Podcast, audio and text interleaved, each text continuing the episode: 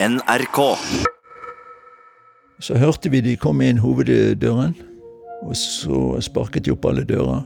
En januarmorgen i 2013 tar en terrorgruppe kontroll over et stort gassanlegg i Sahara-ørkenen, som Statoil er med å drive. Det var ikke en par banditter som, som gikk rundt med en pistol i beltet, men her var det jo øh, Dette kunne være kraftige saker. Det er over 130 utenlandske ansatte på In Amenas. 13 av dem er fra Norge. Jeg snakket veldig lavt. Jeg sier at jeg, jeg kan ikke snakke nå, sier jeg, for eh, vi er tatt til fange.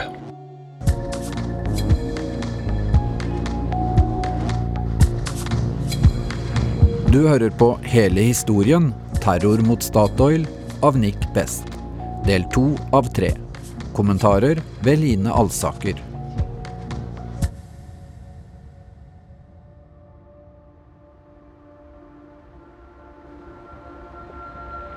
To biler, en Landcruiser og en pickup, kjører inn i prosessområdet på In Amenas gassanlegg. I Landcruiseren sitter produksjonssjefen på anlegget, Hans Bjone, mens vedlikeholdssjefen, Bjarne Våge, ligger sammen med to kollegaer på lasteplanet til pickupen. Alle er bundet med strips rundt hendene.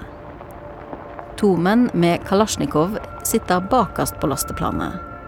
Foran Bjarne sitter en ung mann uten tildekket ansikt. Det var en ung person. Type babyface, eh, tenkte jeg.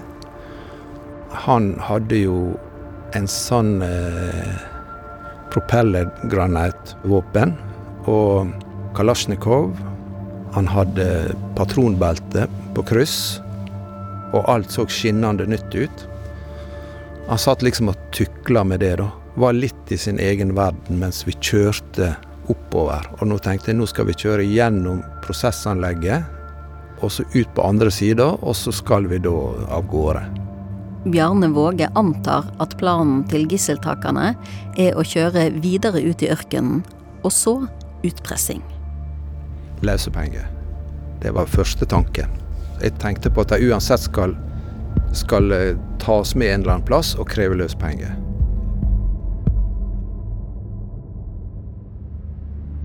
Vi holdt oss på kontoret der, da. Der vi hadde barrikadert oss. Ture Ingebrigtsen har akkurat sett Bjarne bli kjørt vekk i bil. Han gjemmer seg for terroristene sammen med tre andre. Kontoret, der de ligger stille på gulvet, er lite. Kun ti kvadratmeter med plass til to pulter. De har skjøvet et tungt arkivskap foran døren. Og da begynner vi også å ringe rundt for å få bekreftelse på hva er det som er på gang her, da. De ringer til kommunikasjonsrommet i boligkvarteret. Men der er det ingen som svarer. Ture prøver å ringe kollegaer han vet er andre steder på anlegget. Noen av de har òg hørt skudd, men han får ikke svar fra alle. Så ringer jeg også Statoil eh, og der får vi kontakt. Han får snakke med noen på Statoils beredskapssenter i Stavanger. Og beskriver det vi har hørt og det vi har sett. Hvordan anlegget var. For dette var jo ukjent i den andre enden av telefonen. Så blir det stillere på anlegget. Skytingen der har stoppet opp. Det er bare alarmen som uler. Så der lå vi eh, fire mann og eh, ventet på hva neste trekk skulle være. På lasteplanet til pickupen begynner Bjarne å leite etter muligheter for å komme seg vekk før bilene skal forlate anlegget. Og da hadde jeg fått en sånn ro. Jeg hadde, jeg hadde på en måte blitt eh, overbevist meg sjøl om at jeg skulle klare å rømme så fort som mulig, så tidlig som mulig. Helst mens det er mørkt. Jeg bare liksom venta på sjansen. Og da tenkte jeg med meg at OK, hva, hva kan jeg gjøre da? Jo, jeg kan rulle meg over, sjøl med hendene på ryggen. Og vi begynte å kjøre opp mot kontrollrommet. Men så stoppa vi der. Før Bjarne får gjort noe, stopper bilene utenfor anleggets kontrollrom. Gisseltakerne vil få anlegget startet igjen. Hvis anlegget skal sprenges, bør det være fullt av gass for at en eksplosjon skal bli så stor som mulig. De begynner å ta gislene én og én inn i kontrollrommet. Først operasjonslederen, og så produksjonssjefen. De var der en liten stund. Det var noe rop og noe skrik inne der, og så kom de ut igjen. Det var tydelig at det, de trodde at her skulle han komme og trykke på en knapp, og så skulle anlegget starte opp igjen. Etter nedstengingen som har skjedd, er det umulig å starte anlegget alene fra kontrollrommet. Og så kom de ut der med han og satte han inn i bilen, og så lasta de opp alt. Og så begynte de å kjøre. Men de kjørte ikke mer enn 100 meter. Så svinger de til høyre. Istedenfor å kjøre ut i ørkenen, fortsetter bilene inn mot midten av gassanlegget. Så stopper de der. Og så eh, laster de oss av, da. Ned på eh, et betonggulv der. På magen, beina ut. Og da kjente jeg at det, det ene stripset hadde åpna seg. Samtidig kommer en annen bil mot bygget hvor Ture Ingebrigtsen gjemmer seg. Ut av bilen stormer det to menn i militæruniform med kalasjnikov i hendene. De løper inn i den andre enden av kontorbrakken. De begynte der nede, gikk gjennom kontorbygningene, og så tok de hvert bygg for seg oppover. De var jo på jakt etter gisler. Flere algeriere hjelper utenlandske arbeidere å gjemme seg.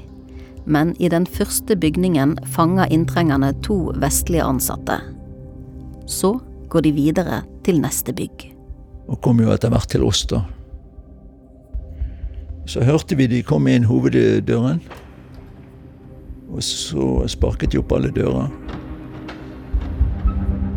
Så gikk de fra en ende til det andre. Sparket alle dører åpne, men de fikk ikke opp vår, da. Dørhåndtaket dirrer. I mørket oversetter en algerisk kollega det han hører fra andre siden av døren. Kom ut, det er ok, vi er dine venner. Og vi la helt eh, stille, sa ingenting. Så etter hvert så døde alt skrammelet ut, og vi hørte det slamret i en dør, og da regnet vi med at de gikk, da. De fant oss ikke. Så det var den første gjennomsøking av kontorene, da. Det skulle komme flere.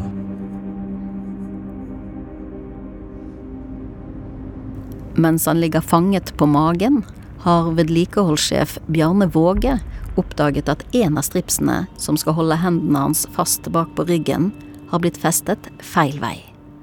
Han kjenner at det er mulig å få stripsen fra hverandre. Og eh, tenkte dette her må ikke de se. Det, så jeg bare holdt et grep, da, sånn at det som om jeg fortsatt var stripsa og alt var i orden. Og så kom plutselig han lederen. Han snakket veldig klar engelsk. Lederen beordrer Bjarne opp på beina og peker mot utstyret rett ved der de står. Han lurte på om det var ei gasspumpe. Så sa jeg det veit ikke jeg, for jeg jobber i vedlikehold, så det kan ikke jeg svare på. Og så da ga han bare beskjed at jeg skulle legge meg ned igjen. Og da var det jeg sprang. Da var kroppen min som tok meg bare av gårde. Det var der og da. Ingen fikk ikke flere sjanser. Og så sprang jeg innimellom rør og ventiler og tanker, og jeg hadde god kjennskap til utstyret der. Og han kom etter meg en gang og ropte 'stopp', 'or I kill you'. Og I begynnelsen så følte han var på sida på meg, men etter hvert så kom jeg litt lenger bak. For å komme til gjerdene rundt anlegget må Bjarne løpe gjennom et åpent område. Og så tenkte jeg nå skyter han med ryggen. Og han sto og ropte 'Stop! You know I'll kill you! You know I'll kill you!' Og jeg tenkte skal jeg stoppe nå? Nå skyter han. Og så begynte jeg å springe sånn sikksakk. Det hadde jeg jo sett på film. Og jeg tenkte dette er jo latterlig, men jeg gjør det. Jeg springer sikksakk. Etter ca. 100 meter så gikk det en skråning ned, slik at jeg på en måte sprang over kanten og så ned, og så ble jeg på en måte ute av syne for han. Men jeg fortsetter å springe, og så svinger jeg mot et eh, bygg der det står sånne turbiner. Og tenkte OK, kan jeg gjemme meg her? Men så fant jeg ut nei. Jeg må ut, jeg må over gjerdet. Jeg, jeg, må ha to gjerder mellom meg. Bjarne klarer å klatre over de to piggtrådgjerdene, og merker ikke at han har brukket tre ribbein. Han lander i sanden på utsiden av gassanlegget. Og der lå jeg. Og eh, for, eh, konstaterte at ingen har kommet etter meg. Og, og, og det var iskaldt. Sola var ennå ikke stått opp. Jeg, jeg tipper på at det har gått en time siden vi, siden vi ble tatt. Og jeg bare lå der, flatt, eh, og, og, så tilbake der retning der som jeg hadde rømt ifra. Og da kom jo tankene på eh, kollegaene mine og tenkte på Vil de få det verre nå? Hva kunne jeg ha hjulpet dem? Var det feigt av meg? Det skulle jeg kanskje aldri ha gjort. Hva tenker de om meg nå, ikke sant? Eh, sanne tanker lå jeg der med, da. Men eh, Ja.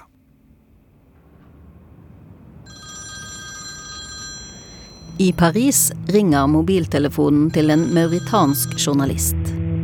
Mannen i den andre enden er talsmann for en islamistgruppe som kaller seg Al-Mulatamin, den maskerte brigaden.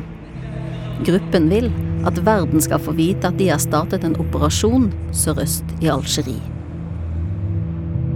Den maskerte brigaden er ledet av Mukhtar Belmukhtar, den enøyde algeriske jihadisten og gisseltakeren som 42 dager tidligere sendte ut en video da han advarte vestlige land mot å støtte Frankrikes pågående militæraksjon i Mali. Mokhtar Belmokhtar har lang fartstid som gisseltaker og utpresser, og er fryktet av mange.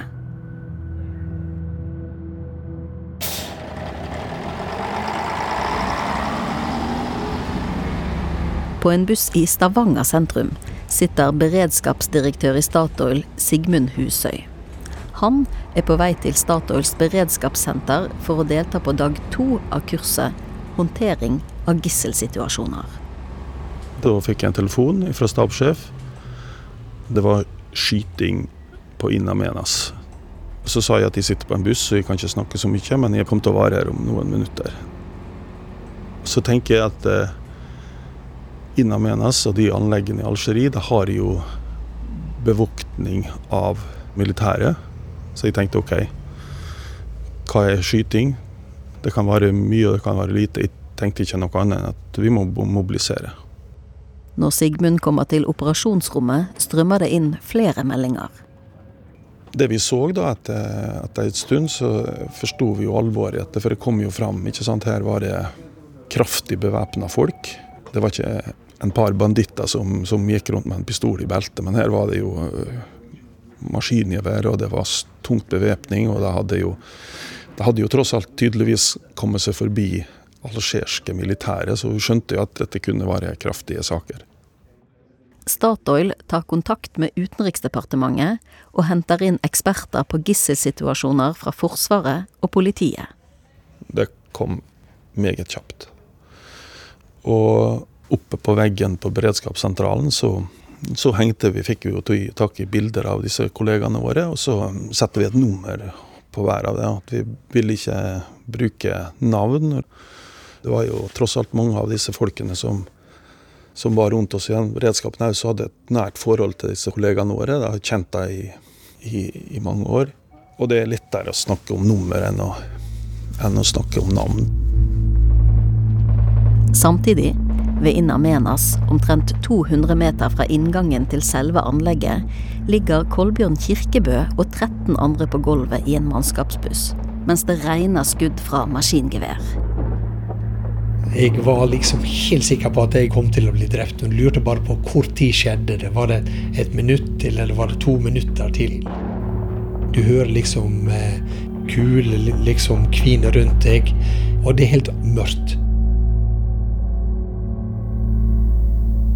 Jeg var, jeg var inne i stua. Spisestua.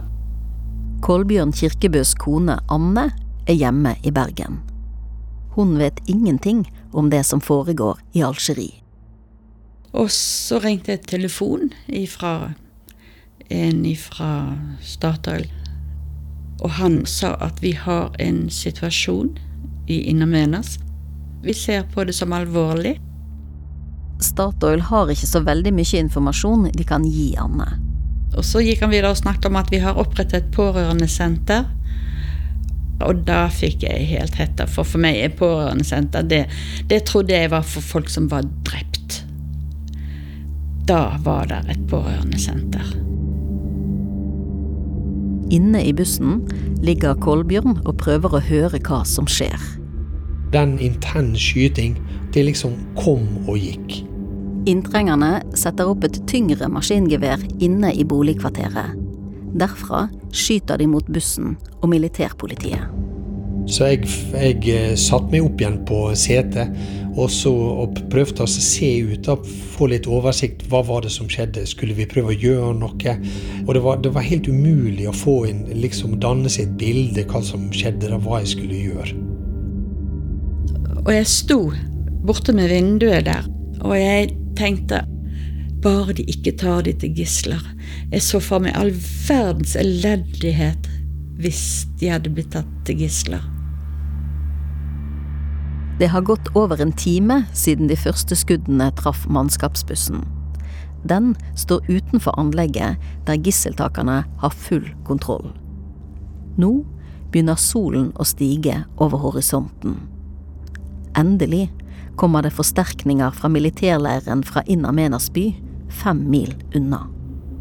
Da kom det inn en soldat. Soldaten vil at sjåføren skal prøve å starte bussen med passasjerene inni, for å kjøre den unna anlegget og angriperne. Så prøvde han å starte, og du så lysene kom på, men det var ikke en lyd. da. Strømmen på bussen virker, men motoren er død. Men det som skjedde da, med en gang han eh, dro på nøkkelen, da ble det observert lys. Så ble det en intens eh, skyting. Og du hørte liksom kulene hagle og traff bussen, så alt rista. Så forsvinner soldaten og sjåføren ut av bussen. Og så ble vi liggende igjen. Og det var helt stille. I boligkvarteret inne på anlegget begynner angriperne å samle utenlandske arbeidere i et åpent område ved siden av kantinen. En av inntrengerne finner frem en kontorstol og setter seg på den, mens de teller opp hvor mange fanger de har. Men de algeriske ansatte blir fortalt at de ikke er i fare. De kan gå fritt rundt så lenge de ikke prøver å rømme. Så noen tar bilder og filmer. Samtidig, i et lagerrom i kantinen, ligger Kjell-Jan Kversøy og to kolleger i mørket. Kjell har blitt skutt i hoften og skulderen da inntrengerne stormet inn i boligkvarteret. Kollegene har dekket til vinduene i rommet, låst døren og blokkert den med et stort kjøleskap. Kjell tekster med en kollega som jobber på Statoil-kontoret i en by lenger nord. Og Da fikk jeg òg greie på at dette her var et uh, terroristangrep, og at uh, de var nå helt sikkert på jakt etter gisler, som var om å gjøre å holde en lav profil. Så ringer telefonen. Og da uh, så ringte kona mi, og så hørte hun at jeg var veldig stille. Jeg snakket veldig lavt. Så jeg sier at jeg, jeg kan ikke snakke nå, sier jeg, for vi er tatt til fange. Og så jeg, jeg kan ikke snakke noe mer. Etter en stund hører de gjennom døren at noen kommer inn i kantinen. Så var det folk som tok i døra dørhåndtaket på utsida. Og rista og ropte, og så ble han vekke lenge. Og så kom han att, og da rasla det i, eh, i nøkler. Og da låste han opp døra, og så skubba han det han kunne, sånn at han fikk et glip på døra og kom seg inn, og så klarte å trenge vekk det der kjøleskapet. Og da, da kom han buksende inn med geværet pekende mot oss og sa at vi skulle komme oss ut. Og de to som var uskadd, de eh, røste seg opp og gikk. Mannen beordra Kjell til å følge med de andre ut av rommet. Og så sa jeg det at jeg er så skada, jeg kan ikke Jeg kan ikke reise meg, og jeg kan ikke gå. Da sa han at du, du kan ligge der.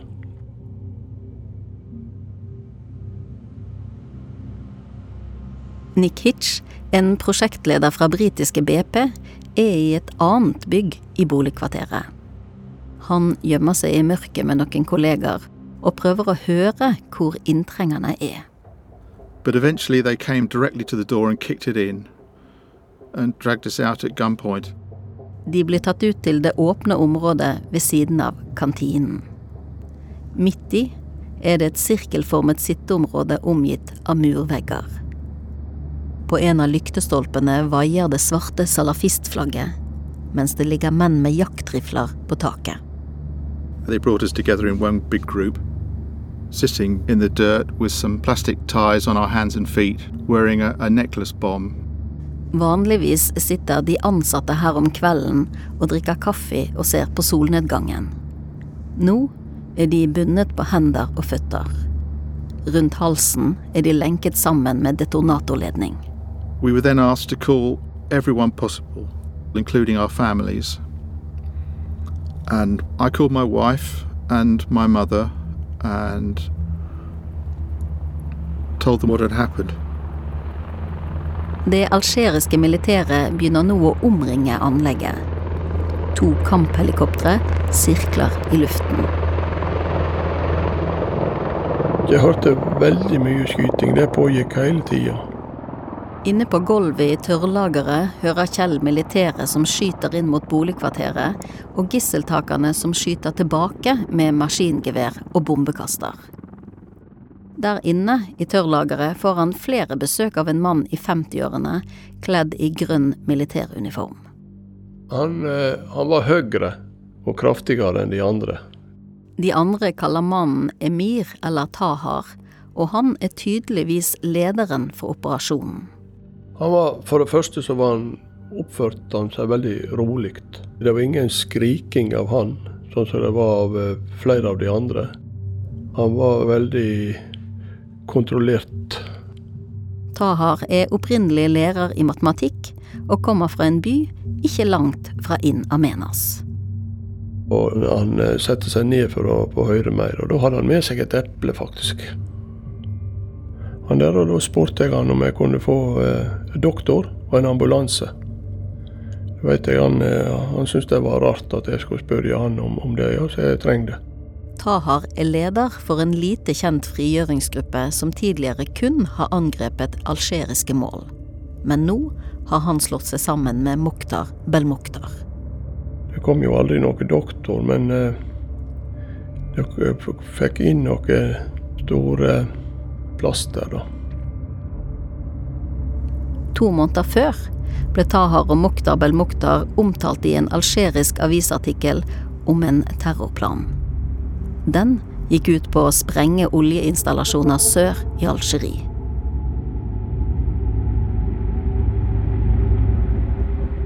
En av gisseltakerne, som kaller seg Shedad, ringer fra boligkvarteret og sier til BP med tydelig nordamerikansk aksent. Dette er Al Qaida. Vi har tatt gisler på In Amenas. Vi vil snakke med presidentene i dine selskaper. Så blir telefonlinjen plutselig brutt. Samtidig får Statoil beskjed om å presse myndighetene i Algerie til å trekke luft- og bakkestyrker unna anlegget. Gjennom dagen skal Statoil og BP få nesten 30 anrop fra gisseltakerne. I Stavanger prøver Statoils beredskapsleder Sigmund Husøy å få oversikt over det som skjer på anlegget. Vi fikk vel ganske tidlig melding om at noen var tatt. Og det de kom jo med ulike krav. Kravene ligger utenfor Statoils kontroll. Her var det ikke noen forhandlinger. Her var det noen som sa at helikopteret skal vekk. Få vekk helikopteret og sånn. Det, det, er jo sånn som Statoil ikke kunne verken påvirke eller, eller gjøre noe med. Så har det vært lyst en, en god stund. Og så kom det masse militærbiler. Mens oljeselskapene tar kontakt med sine utenriksdepartement og formidler terroristenes krav, kommer beskjeden som Kolbjørn Kirkebø og de andre på mannskapsbussen har ventet på. Og Da kom der en, eh, en soldat inn og stakk inn hodet i vinduet. Og så sier han da at det, nå kan dere komme ut. Det har gått nesten tre og en halv time siden skytingen startet og nå tror det algeriske militæret at det kan være trygt å prøve å få passasjerene av bussen. Og så sier soldaten prøver ikke bli oppdaga. Bussdøren vender mot boligkvarteret, så den utgangen kan de ikke bruke. Militæret vil bruke bussen som skjold mot skytingen derfra. Så begynner én og én å bevege seg sakte, sakte mot eh, vinduet Kolbjørn åler seg frem for å klatre ut gjennom sjåførens vindu og ned i veigrøften. Så da når jeg eh, så ut i vinduet og kom ned, så ser de at det, da ligger der en tropp soldater. Og der sto en liten soldat, eh, en ganske ung gutt, da, sikkert 18-19 år gammel. og eh, Han hadde på seg en sånn tynn kjeledress, kamuflasjeuniform og metallhjelm. Og så ene hånda da, som ikke han hjalp meg med, der hadde han kalasjnikoven sin. Og på beina hadde han flipflop, eh, tøfler. Så det var sånn veldig sånn Det, var det bar preg av at han hadde stupt ut av senga da, uten å ta, ta tid og knytte på seg skoa. Men han har tatt med seg hjelmen og geværet, og så har han løpt. Kolbjørn og de andre smyger seg vekk fra bussen og blir lastet inn i en minibuss som kjører raskt inn til nærmeste by. Midt på dagen, litt etter tolv, kommer de første meldingene om angrepet i Algerie i media. Og skal komme tilbake til denne saken om å kle seg i kulda, men også må bryte med en viktig nyhetsmelding. For en eller flere nordmenn skal være tatt som gisler i Algerie, og Tone Nordahl Kommeir veit oss om det her nå? Det vi vet så langt, er altså at det er flere oljearbeidere som skal være tatt Og jeg husker vi kjørte opp på dette pårørendesenteret. Samtidig som journalister prøver å finne ut hva det er som egentlig foregår i Algerie, er det fortsatt uklart for Anne Kirkebø i Bergen hva som har skjedd med ektemannen Kolbjørn. Og vi kom inn der, og Og det òg er sånn uh, ute av uh, kroppen-opplevelse. Altså, det er akkurat som det skjer ikke. Dette har du liksom sett på film på en måte, men det skjer jo ikke med deg. Og så hadde jeg fått en SMS ifra Kolbjørn tidlig om morgenen. Og der sto det 'Er i Innermenas alt vel'? Og jeg tenkte det var en merkelig melding å få. Og så tenkte jeg han har vel sendt den dagen før, for meldingene kom jo ofte mye seinere. Det kunne gå dager imellom noe og alt mulig. Så jeg satte det jo ikke i den forbindelse overhodet. Anne vet ikke at Kolbjørn er på sykehus i In Amenas by. Og så fikk jeg da en ny tekstmelding. Og da han skrev 'er veldig lite skutt'. Og da var det liksom det virkelig demra for meg at det Det var sånn. Det var Det skjedde virkelig. Jeg var på vei hjem fra skolen. Jeg skulle kjøre en eh, kompis med meg fra skolen. Det er tidlig ettermiddag, og Jon Bjone er på vei hjem fra videregående da telefonen ringer. Og så ringte jo mora mi og sa jo da at det var en gisselsituasjon. Like før elleve har Jons far, Hans Bjone, ringt hjem. Han fikk beskjed av terroristene om å ringe hjem, så hun hadde jo prata med far. Gislene i Algerie blir stadig presset til å ringe hjem til familiene og selskapene. Gisseltakerne står i bakgrunnen og dikterer det de vil de skal si. Han måtte prate på engelsk, og veldig presis og kort. Hans Bjone gir en kort beskjed om at konen Marit må kontakte media. Det er jo en overraskende beskjed, men hun reagerte jo på at det, han prata på engelsk, og at han var såpass kort i det han uh, sa. Men hun hadde en holdning på at det, det, her kommer til å gå bra, og vi konkluderte begge to med at uh, det her kommer til å ordne seg. Det går jo på penger som regel. De er ikke ute etter å drepe vedkommende de har eh, kidnappa.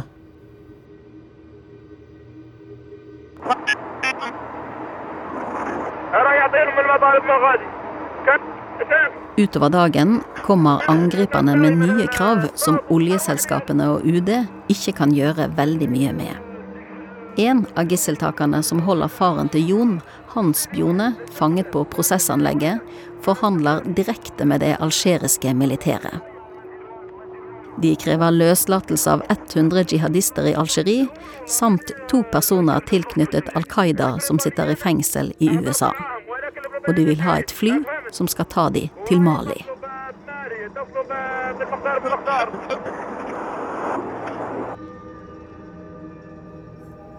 Det er jo hele tiden en alvorlig undertone. Og, for det, det var jo stille, da. Helt stille. Ved prosessanlegget, knapt 400 meter fra der Hans Bjone og de andre gislene ble holdt, sitter Ture Ingebrigtsen og kollegene i kontorbrakken og vurderer hva de kan gjøre. Ture har funnet andre som har gjemt seg. De bestemmer seg for å samles på ett av kontorene. Vi diskuterte jo um, selvfølgelig situasjonen, da. Og når vi hørte da at de hadde bedt om å frigi gisler fra myndighetene i Algerie, da, så da skjønte vi at det ville aldri kunne skje. Her ville det bli en kamp om, uh, om livet, rett og slett. Ture har kontakt med Statoils beredskapssenter flere ganger. De er redde for å bli oppdaget av terroristene. Jeg ringte jo til dem da, og egentlig ba de nå må vi sette inn noen militære eh, beredskapsstyrker for å få oss ut herfra. Vi var jo fanget der, vi kunne ikke gå ut. Vi stolte på ingen. Vi visste ikke hvem som var terrorister, og hvem som var uh, militære. Så uh, de tok det og skrev det jo opp på listen sin over tiltak, men uh, dette er jo ikke noe som verken Statoil eller BP hadde noe, noe makt over, egentlig. Det var, dette var algirske myndigheter som kjørte denne aksjonen. Jeg, jeg, tror det mer var et sånn eh, desperat uh, melding fra oss, da. At uh, vi så ingen annen utvei. Så begynner nødstrømmen å ta slutt. Dermed faller mobilnettverkene ut, ett etter ett. Vi prøvde jo hele tiden å holde kontakt med utenverdenen, men etter hvert så mistet vi kontakt. Så til slutt så hadde vi ingen, uh, ingen formening om hva situasjonen var, egentlig. I boligkvarteret holder inntrengerne over 30 gisler fanget i to grupper. De beordrer noen av gislene til å gå og hente esker med spiker og samle sammen brannslukningsapparat. De skal bygges om til bomber og er en del av planen til gisseltakerne. Det begynner å bli mørkt, men britiske Nick Hitch klarer ikke å sove. It was a very strange night because the, the clear night sky and the shooting stars were actually intensely beautiful. Kamphelikoptre flyr over anlegget, og det er skuddvekslinger mellom gisseltakerne og militæret. Inntrengerne kjører biler ned til utkanten av boligkvarteret og parkerer de ved gjerdet. and they had them running with the lights on all night. So they were shining out into the desert so they could see an attack. Nick håper at militæret vil gjennomføre en redningsaksjon før dagen gryr. But then as the, the desert dawn comes up and you get to full light, you, you just realize that's not going to happen. The gunfire started to increase and get more and more aggressive, and you thought, no, there isn't going to be a rescue mission here. This is, this is going to end quite violently.